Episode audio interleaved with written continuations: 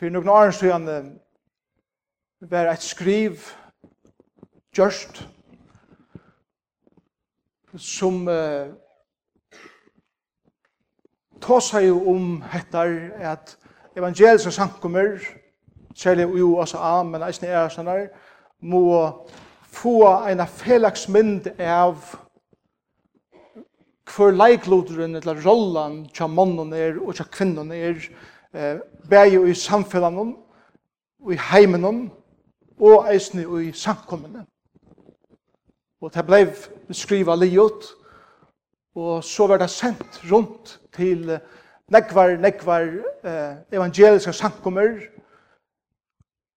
vi tog fri eie at, at evangeliske pastorer og leier skulle skriva under dette her sjæle, at hette det som vi standa om som evangeliska sjankummer vi vysjande hessen her spurningen om. Ein av leierne som fikk at her sjæle sendande var en mer som heter Jack Hayford som er pastor i en sankum i Amerika som heter uh, uh, The Church on the Way. Uh, Jack Hayford skriver flere sanger. Han skriver til dem sanger Majesty. Majesty, worship is majesty til dømes, han skriver at han sangen.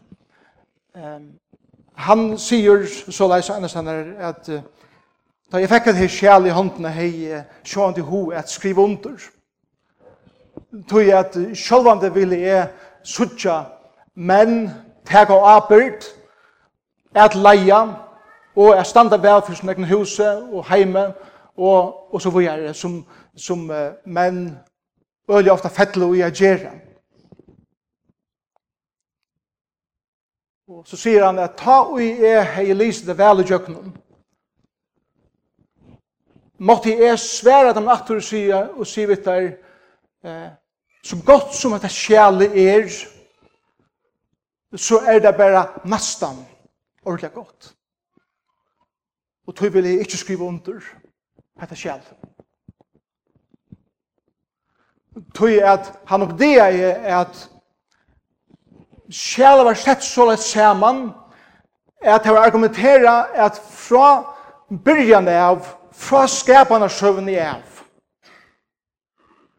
er det god givet at maveren skal roa iver kvinnene og vera høvesleieren i ötlun løvsens vierskiften. Ta og jeg les ta og hvordan det var argumentera opp det jeg er, at nokre få vers som er omedelig trupol at utleggja, som vi tar tås om senast, eisne, og som vi tar tås om meir om, vera lysen atter ui skapan av sjøvna, og vera sett her som kriterium fire hva det er som skapan av sjøvna opprunalega lærte. Men han sier at min samfunn om ta i lese skapan av sjøvna, er ein omedelig underfull og ein omedelig vøkur harmonisk lærlinja som er suttje mellom mann og kvinne som de tæna og leia og roa saman i skapande versjonen. Og ta er suttje at mennesker godfrøyngar og, og andre teka nokkur få vers som så ser ut til at seta kvinnerne under mannen og lesa det atter inn i skapande verset, så fer jeg av banan om, tog at man kan ikke bytja en god fri og av nokkur få trobel vers og seta det til herra i vår hver annars resten av skriftene lærer. Og hatta er ein ometelig områdande godfrøye er bytja seg om vi skulle skilja biblina rett. Jeg vet må ikke løyva noen favon troblom versum er diktera hva resten av skriftene lærer. Og han sier, jeg skriver ikke under. Og sjalt om det var nektrust av ham, så sier han er samfunnet om at godfrøye skal ikke bytjast på handamaten. Bibelen er en søva. Han her bogen her blir så ofta brukt bare som en manual, hva vi gjør okkar egne medregler og reglar og listar ut av, og ofta verður brukt til at smekka nere hødja folk vi heldur enn að skilja hessa bókina som eina søve som er samansett av 26 karlagsbrøvun som god hefur givi okkom, for han viser okkom hvordan han hefur arbeid vi sunne folk og i tæra omstøvun, og i tæra kulture, nye sjokken tøyunar, og hvordan vi og i okkar omstøvun, og i okkar kulture kunne læra at liv og i ljósen er hvordan god arbeid samleier mittel sitt folk. Og ikkje fettla ut her at det som god hei meint vi til å være eh, opplittande veleiingar for sitt folk har vi gjørst til herrar, avgjer, lover i det.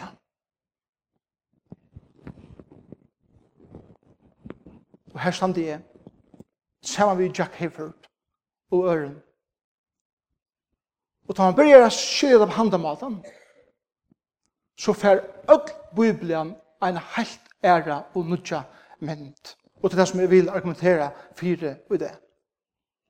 Og i så røyene om kvinnerna.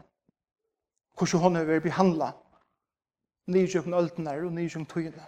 F.F. Bruce, eh, den store godfrøyngren innenfor brøyene, sier akkurat det samme. Han sier, ta i vidt hitje at skapene er søvnene.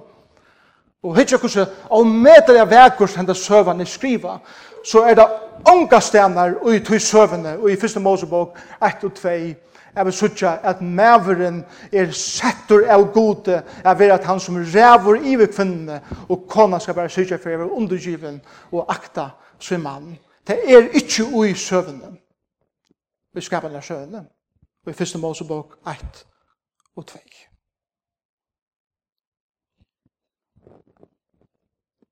Så det første som jeg vil sige, ved det er rettar, tar vi tåse om kvinnerne, og til rettar at menneskene er skapt saman, som mævor og som kona, og i bøyla det gods. Og til en underfull einleitje, og i middelen mannen og kona, og i første Mosebok 1 og 2. La meg lese noen vers 4, kom. Første Mosebok, kapittel 1, vers 22 og, og, og prøv å lort etter hvordan jeg leser det her. Prøv å lort etter hver anden i hese søvende er. Ta det kommer til hver Adam og Eva ståe som maver og som kona. Fyrsta Mosebok 1, vers 22. Vi skal bare lese tve vers, 28. Jeg har ikke tog i affæren, alle detaljene her, argumentene, men vi, vi tager det, vi det store penslen med det. Sjølt om vi har en 5-6 taler i røyene. Nekve er det vi nevnt settene som, som vi ikke får i det. Så skapte god menneskene og i bøylade synen. Og i bøylade gods skapte han henne, altså menneskene, som mann og kvinne. Så imensk var det. Skapte han det.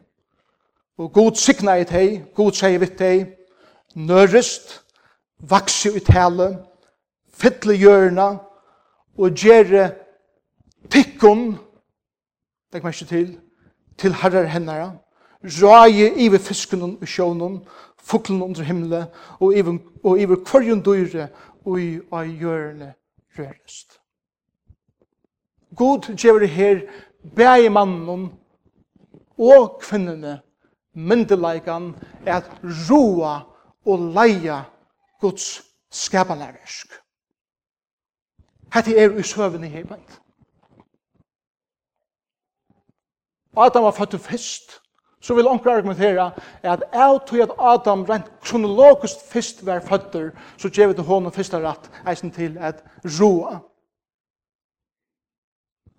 Det er bare det her, vi sier ikke teksten, vi sier ikke ikke at tog i sin teksten. Vi har ikke tann andan i sin teksten hele tiden. Tvei og Adjan, Kapitel 2, vers 18 sier så at God Herren sier nå, ikke er mannen og godt å være ensamatler. Jeg skal gjøre hon en hjelp som høskar honom, og mennesket sier, yes! Fint, endelig her finner jeg en ørende drong, eller en ørende kvinne, at renna for meg, og, og hun skal bare være min hjelp, og hun skal bare sykje for at jeg har det godt, og så videre. Endelig må på det er at året hjelp, hever helt annan tydning enn det som vi tar hoa letja ui hjelp. Og tar vi det til at året hjelp, eller hjelp, er et år som blir brukt om god atter og atter og atter i skriften. Så sier det øyne om okkur menn, kanskje særlig, at på, på den måten som vi ofte behandler kvinner, behandler vi mennesker eisende god, som okkar ørenda drong, som tar vid vil hava okker fra men som skal bare syrja for å gjøre det som vid vil hava han skal gjøre. Sier du at nekam okker hoppur, gjør det ikke. Året hjelper er brukt om god atter og atter som okkara hjelpere. Til dømes, det blir slått opp, Salmer 18.4, det sier såleis, David, eller Salmerskriveren, sier vi god, to erst hjelp min, og to erst frelseren min. Og allan vegin vir ein titel om god bruktur som ein hjelpare som kjemur og fullkomna nega som ikkje er fullkomne.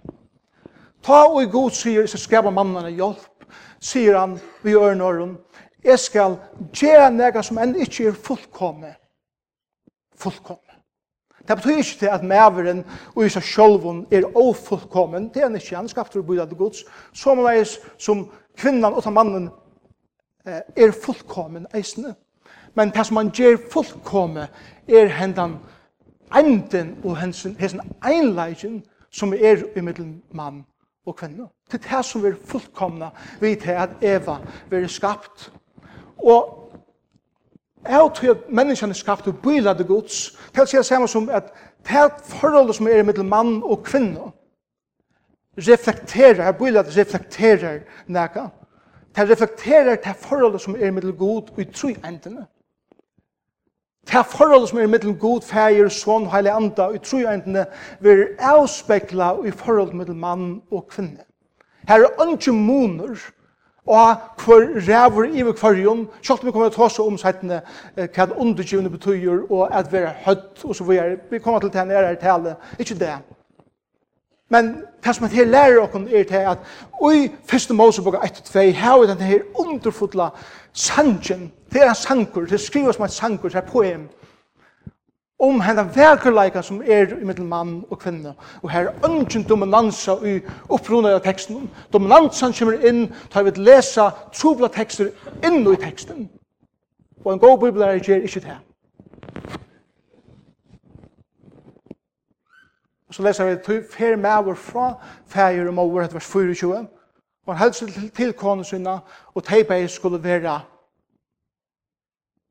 eit. Eit.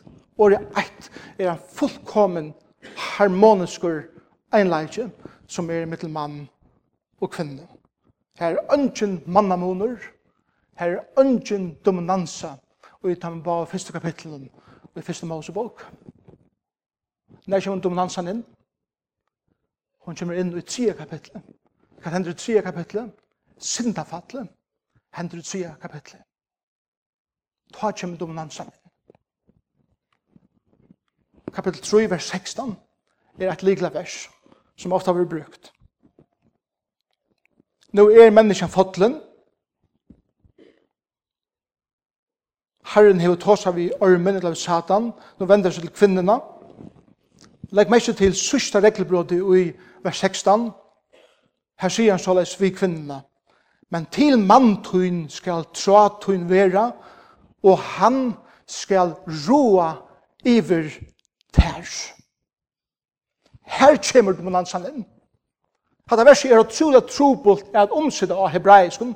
Da jeg lærte hebraisk, så, så var det nektisitera om hvordan her versi skal skal tolkas, men en av den beste tolkningen som jeg kom til, var hettar, han sier vi kvinnerne, Trajen tjatt her, derfor han ligger ut her, at vilje at sleppa, at roa og dominera iver mannen. Det er det som teksten sier. Men det som er avhørst i teksten er til at til mantun skal tratun vera. Det er det samme som at, men, at kvinnan hever ein langsul etter intimitet vi mannen, men maten det kommer ut på er dominerande, men østlig det at hun skal være at maveren skal trusta til nyer, til han er sterskare. Og han skal bruka sånne makt ivet her, at trusta til nyer. Vi ørner hon, fra nu av skal det være et otroligt krutsk og i middelen mann og kvinne heretter. Så er spurningen, Vær hatt han ekkert nøyt som god fann på, at at det fire, at tid ikkje akta av meg, så set jeg nu hesa lovene, at nu skal det være så, å se rektor, at kvinnan, du skal røyne av bestemma, men maveren skal bestemme i det her. Kjenner til god så leis. Eh, hvis det er han god er fyllt etter, så er lengst enn droppan. droppa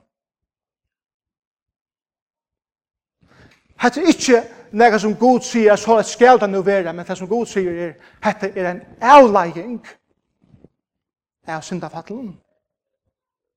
Hessen rævleggene kommer inn, og hette er eit av det rævlega som er konsekvensen av tog som hender. Fyrsta Mosebok 3.16 er ikkje en nudge lei som Gud valde at så skal det være her etter, men hatt er konsekvensen av leiene som menneskjan valde sjolv. Ta hon synda i. Og her kommer et her inn som har ei kjent søvna allan vegin nýr i kjøkken aldenar. Kvinnebojking, misbruk av bøttenon, luttla jenter som var seldar som sexslaver, trafficking som gonger fyrir seg om allan heimen og i det, huflunging som vi leser på talen hessa vikene av en kon som kvar en bil, maktkrutsch, motstøva, og alle hesa fralsesrøslunar og feminisma og så videre, som ei kjenner heimen der peikar atur til henne trobelegan som vi leser om her i 1. Mosebok kapittel 3 vers 16. Så Ta i vidt si at en parsva skaparnøysjonen er til at kvinner skal være under mannen og at hun ikke vil samme kattel og ikke samme myndelike at leia og styra som ævren, så må vi teka av okkar egna barm og asana. At det som vi helt å være fra gode, faktisk er ikke fra gode. Men til konsekvenseren av at menneskene fall i synd Og ta vi så leses versene at kvinna skal mannen undergiven, Kvinna skal tia til det er hon som fattelig fyrst, og Adam var ikke han som synda men kvinnan synda og alle disse versene som vi får vidgjera. Og lesa det atter ui, fyrste Mose kapittel 3, og sier, ha, satt ikke god sier akkurat det samme her beint. Så bytja vi av en fullkomne skreiva godfrøy som sier at vi må bytja okkar godfrøy av syndafattelig, og i stedet fyrir at færa langer atter og bytja okkar godfrøy av skapande verset. Er det vi?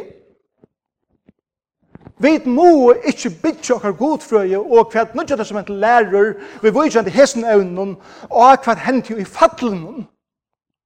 Så for dominansen ble vi av her her. Men vi må bytja det som nødja som en lærer og det som god opprundanlig er. Kjør det. Hva det være hesten vekerleitjen og harmoniske einleitje som var i middel mann og kvinner. Så hei god denne planen. At her kan vi forbo i syndafallet. Så jeg vil ikke liva i konsekvensene av syndafallet. Hei han. Ja. Faktisk vil det han planen kunngjørt bare vers 16. Vers 15 og i 1. Mosebok kapitel 3 er det her som vi skal bytja av. Jeg vil lese det fyrir dikken. God hosa vi ormen, eller satan her beint. Og han sier, Jeg setter futsenskap mellom te og kvinnerna, mellom tøyt avkom og hennar avkom, hon til han etter avkom av Kristus, skal såre høtti av her, men tu skal høgge han og i ormen. Hatt er vi kallet for pro-evangelium, hatt er verset. Det første evangeliet som vi prædikar og i skriften. At det første for er god peikar og at tjokken og kvinnerne skal ein koma, som skal gjøre enda av dominansen som nu er kommet inn, og forresten han eitir Jesus Kristus, og den berar nødvendig testamentet. Og det som god lærer okken herbeint, er, er nemlig hettar. Ta i god seter futsinskap i middelen kvinnerne og satan. Hva sier det om okken menn? Ta vid vi lever atrahaldande i hva vid vilja løyva kvinnen at gjera i okkar samfellet, i okkar heime og i okkar samkomme. Hvern er meir løyk? Hvern er anden meir løykur? Satan eller gode? Og tog slå vær okkom, men hvordan vi behandla kvinnenar rundt om okkom? Tog at Kristus hever en endur løysingar atlan.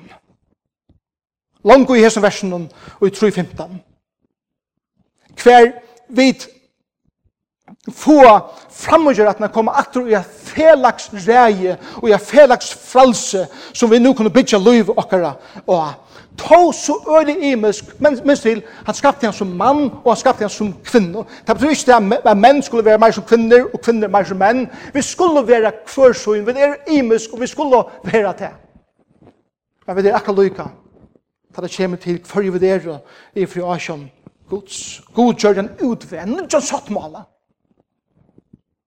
Hva er gamle sattmålen? Hva er utstryk av den nødvendige sattmålen setter inn hva kvinner og menn sammen skulle leve ui. En nytt liv. Det er båskapen i alle bøypene. Til noen vers, som er noen likla vers, som ser det så utrolig vekkers ljøs og alle bådskapen i nødvendighetsmentet om at menneskene er endurfødt og endurløst, og at bandsinderen er ikke prøver seg heva vald av henne langer. Og ikke bare viser dere noe helt eh, fastø som, som lyser henne sannleggene og gjør alle skriftene som er medlemmer vekkerst. Det prøver ikke slå det opp, tøyen hun flyr av sted. Men for det første Eit av ursluten er å skapa, nutja skapana versen, altså endur føringen i Jesus Kristus, er hettar, er vi er av nødja skapninger. Anna Korinthbrev 5, 16 sier så leis, om tog ein er ui Kristus, er han av nutja skapninger, hik gamla er færre, alt er vore nødt. Vi er nøyrum, ta vi kommer til trygg for Jesus Kristus, ta, ta få denne nudja dimisjonen i livet, ta gamla dominansen under syndafallen, hever ikke valgt av alken langer. Alt er vår nytt, og vi kunne trakke inn i et nytt liv, og vi til endurfødda livet, saman vi Kristus og okkar brøren og systeren.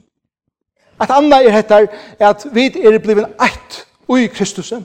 Vi er blivet eit ui Kristus. Galaterbrev 3, 28, lyset her så, og medelige vel. Da må lese det vers 16.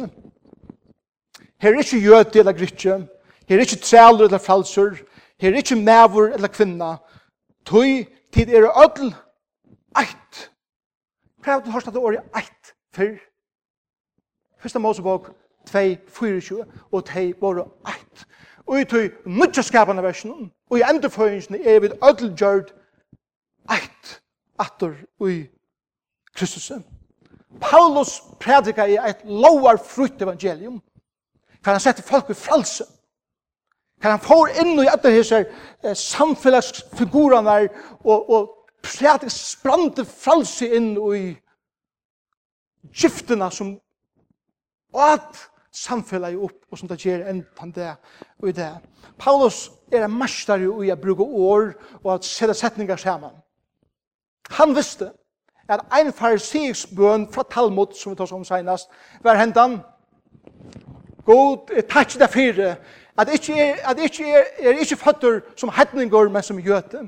God, takk deg fire, at ikkje er føtter som kvinna, men som mæver. God, takk deg fire, at ikkje er skapter som træler, men frelser. Paulus teker hans bønna, inn i Galaterbrev 3.28 og snær henne rundt og sier, men hatt vi ikke galtande, og i endurføyingene.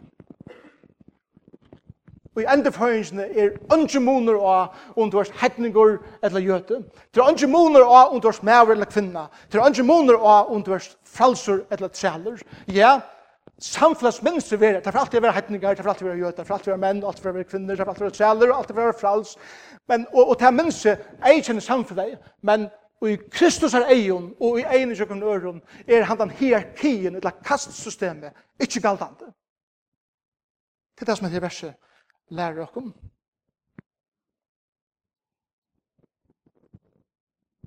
Vi behandler hver annan etter de gavon og tog kattle som god til vi å i okkom, og ikkje om videre menn eller kvinner, eller fralser eller trel, eller hetningar eller jøter. Det tredje området som, som vi reisende sutja, og i sin ender versen om Kristus gjør det heter, at hele andre var utheld iver alt hold, begge menn og kvinner. Apostelsovan kapittel 2, vers 16 og 18. La meg lese det her fyrir kom. Ta jeg lese der, prøv å huske om disse versene er eksklusiv eller inklusiv. Lort etter andan i sin versen. Peter, predikar her bant i Apostelsovan 2, han sorterer Joel profet, om hvordan det skulle være at hele anden kommer til gjerder, skal bygge og, og bygge i mennesken. Så skal være sørste døven, sier God. at det skal uthedla andamun i alt hold, Sinur og døder tikkere skulle profetera. Henne unge tikkere skulle sutja sjåner, og henne gamle tikkere skulle heva dreimer. Ja, om det så er det træler munner og træl kvinner munner, skal jeg at heim og døven uthedla andamoen i vi tei og tei skulle profitera. Jeg elsker hans versene. Her er andre moner og at hele anden kom og, og det som hendte av Kvidesund i Apostelen kapitel 2, vært her som Joel har prædik om, Nå hendte det at anden kom, og han byrja spilte nytt liv, hver menn og kvinner nå at du ser man kunne tjene gode vid dem gaven som han har givet hjemme, og det kall som han har givet hjemme, at tjena vi. Så, om god og sin evig og fyri atlan, ta i han til rettalega alt hvordan det skulle være, sier at maveren er det ene som, som, som kan læra og som kan leia og i samkommende. Kvinnan skal ikke gjøre det her. Så hei er råkna vi at det er så mykje god kommunikasjon i mittelen fægeren og heile andan at ta vi leser om i uh, fyrra Korinthbrevet 12-11, at heilig anden djever ein og kvar den pura frukt her gavnar som han vil djeva til så hei jeg tro at anden sier, her gavnar få kvinner ikke. Hm? Det er det ikke regnlokk ikke. Men det er ikke så leis. Søvann prekvar helt nega anna. Hver bæge menn og kvinner her finnes gaver fra gode, at leia og at læra, ikke alle menn og ikke alle kvinner. Her finnes det her gavene, men de som her finnes det her, stand i åper for god, å bruke det her gavene. Og hva gjør vi det? Jeg får 50 prosent av mannattene. Jeg praktiserer det her, og bruker det her. Og det fjorda som vi sier i ender, endeløsning av versjonen heter er videre heila vår prestaskaper. Prestaskaper hins tryggvann er ikke avmarskaver til menn. Fyra Petrus brev, kapitel 2, vers 5, sier så leis, og lærde tikkun sjolv, som livande steinar, bytje opp til andalet hus, heilajan prestaskap, er bera fram andalet offer som, er, som vi Jesu Kristus toknast gode. To og er Herre brød og syster som har givet dere lov til Herren Jesus Kristus, er du prester i for gode, vi er en heil av vår prestaskaper, til å si det samme som jeg vet, hava beinleis ergångt til god, er representere hans herre flokk fyrir gode, og er representere god fire hans herre folkje. Og i gamle som var det bare menn, og prestene som kunne gjøre det, og i nødjas holdt man over at det her stryger ut, og nå er det åpen for en og kvann, Jeg standa fram som prester iver fyrir asjon gods, og representerer mennesker fyrir honom, og han fyrir mennesker. Så.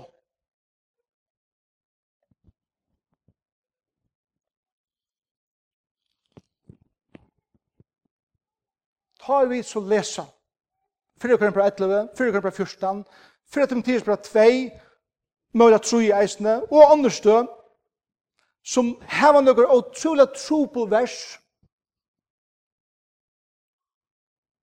som er ringe utletja, og lesa teg, og i ljósen av godfrøyene som jeg har vist om morgen, og helda myndene av skriftene. Skulle så teg versen diktera store myndene, eller skal store mynden diktera trobleversene? er en grunnleggjant spurningur i bibeltolkan. Og et gå med regla er til at noen få trobel vers seg heldarmyndene av hva det er som skriften lærer. Så kan du spørre spørsmålet, ja, men hva, hva det er som hans versen? Hva, hva sier de? Det var diskuteret i 2000 år. Er det en jeg venter og dreier omkron? Og til trobult.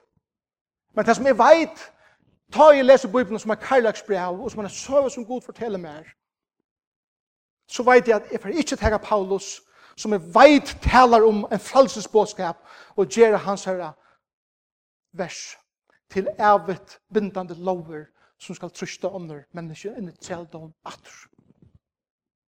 Det veit. Så det må være et eller annet, og i søvne som god forteller, tja folkene av til lokala stenen, som struttes vi einar eller ærer trobeleikar, som, som fikk til at være ofunksjonell, og Paulus vidkjer teir spurningene her og nå.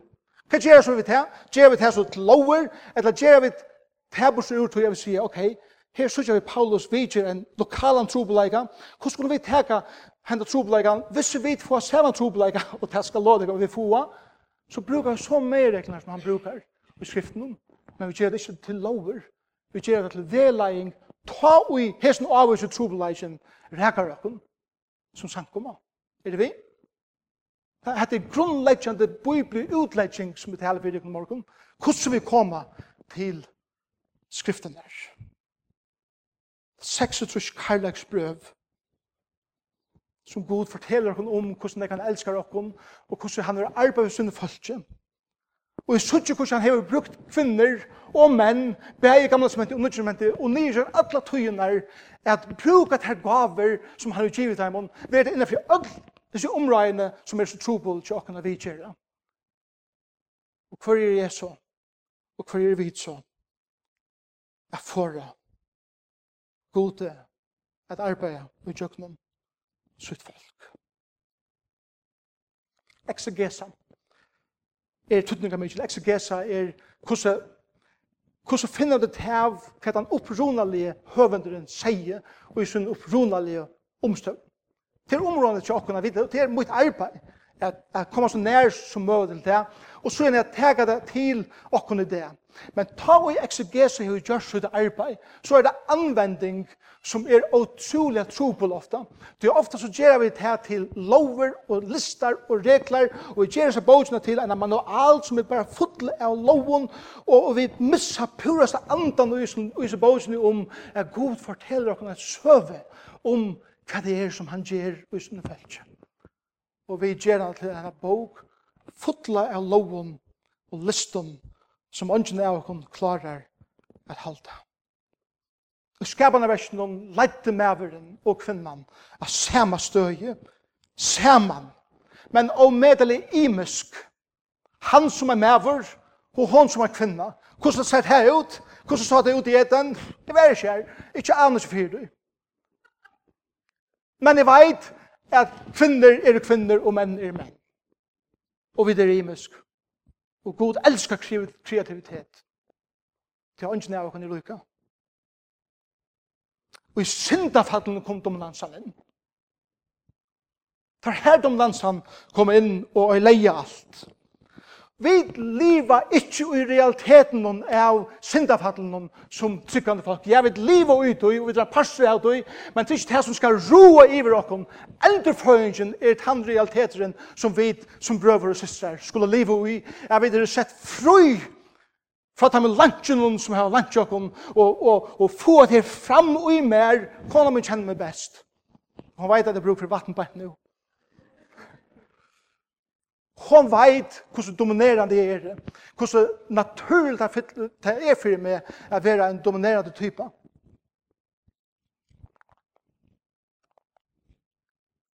Tog jeg synden hunger i mer enn. Og tog meg atter og atter er mynter av, men jeg har finnet en nudja dimensjon, en nudja kraft. Jeg lever mitt liv. Og det er i kraft Kristus er fyrir endefødde i Kristus, fyrir hei som er givet sitt liv til Jesus Kristus, skulle i kvarfall og i Jesus syndafulle heime være tveir gristeger, tvei støk har vi kunnu finna løyvd, og til heime og til samkomman. Til heime og til samkomman. Også det kan løyvdene.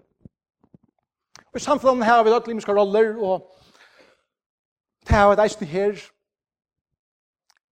Hugsa det kun at det er vaskekona som vaskar en arbeidsplass, og hun har en stjåre i USA som sitter øyelig høgt og hun ikke makt.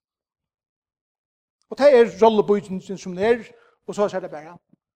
Så kommer det en møte, og i sankumne her som de hører til. Her er konan en framstande personer, sassnekv, lærer, kanskje leier, er i lastene, og så videre.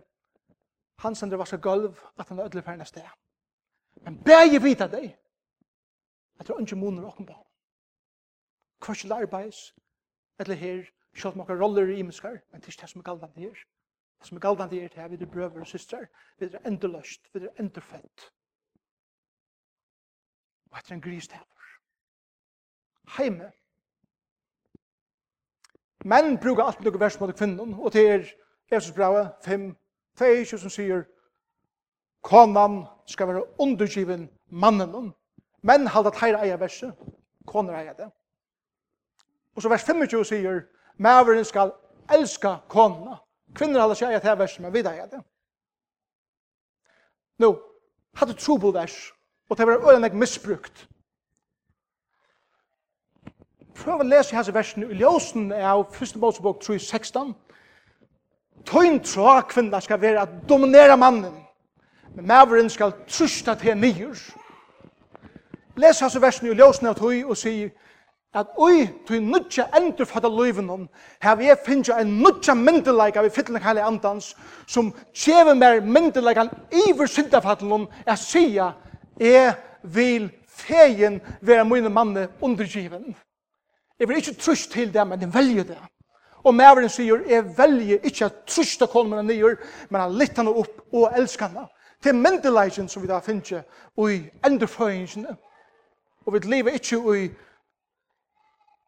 avleggingen av syndafattelen. Kvinner, være fralsar og Jesus er navnet.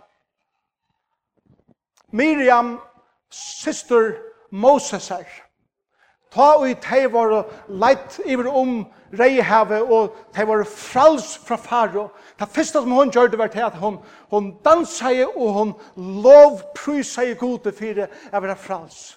Hva gjør jeg tid? Hva gjør jeg tid, kære kvinner? Bømen er at to som sitter i det er i hver fall vil lusta etter to som, som jeg har sagt i det Er. Og hugsa om hva det er som anden sier vi til, og i ljósen av teologiene som vi letjer her fram i det. Jeg har bare siste paragrafen etter å si, og til dette er Jack Hayford skriver ikke under et sjel som så godt ut, men tar alt kom til alt, så var det bare nesten godt.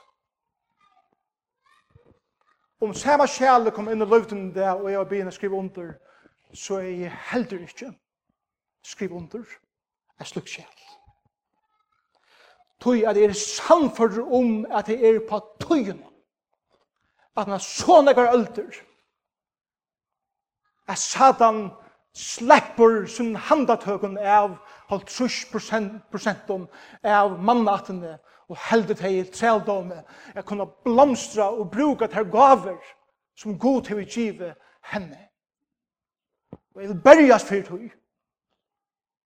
Og lukka mykje kan man snakka om hvordan alt passar saman så vi er, så kommer det alltid til hette at det grunnleggjande i øknelsen er her, er til at den stora mynden i skriften om rævur ivor noen troplom versen som er ringa tøya og teim og bodja seg fire godfrøyene og i allar bøyfyrir.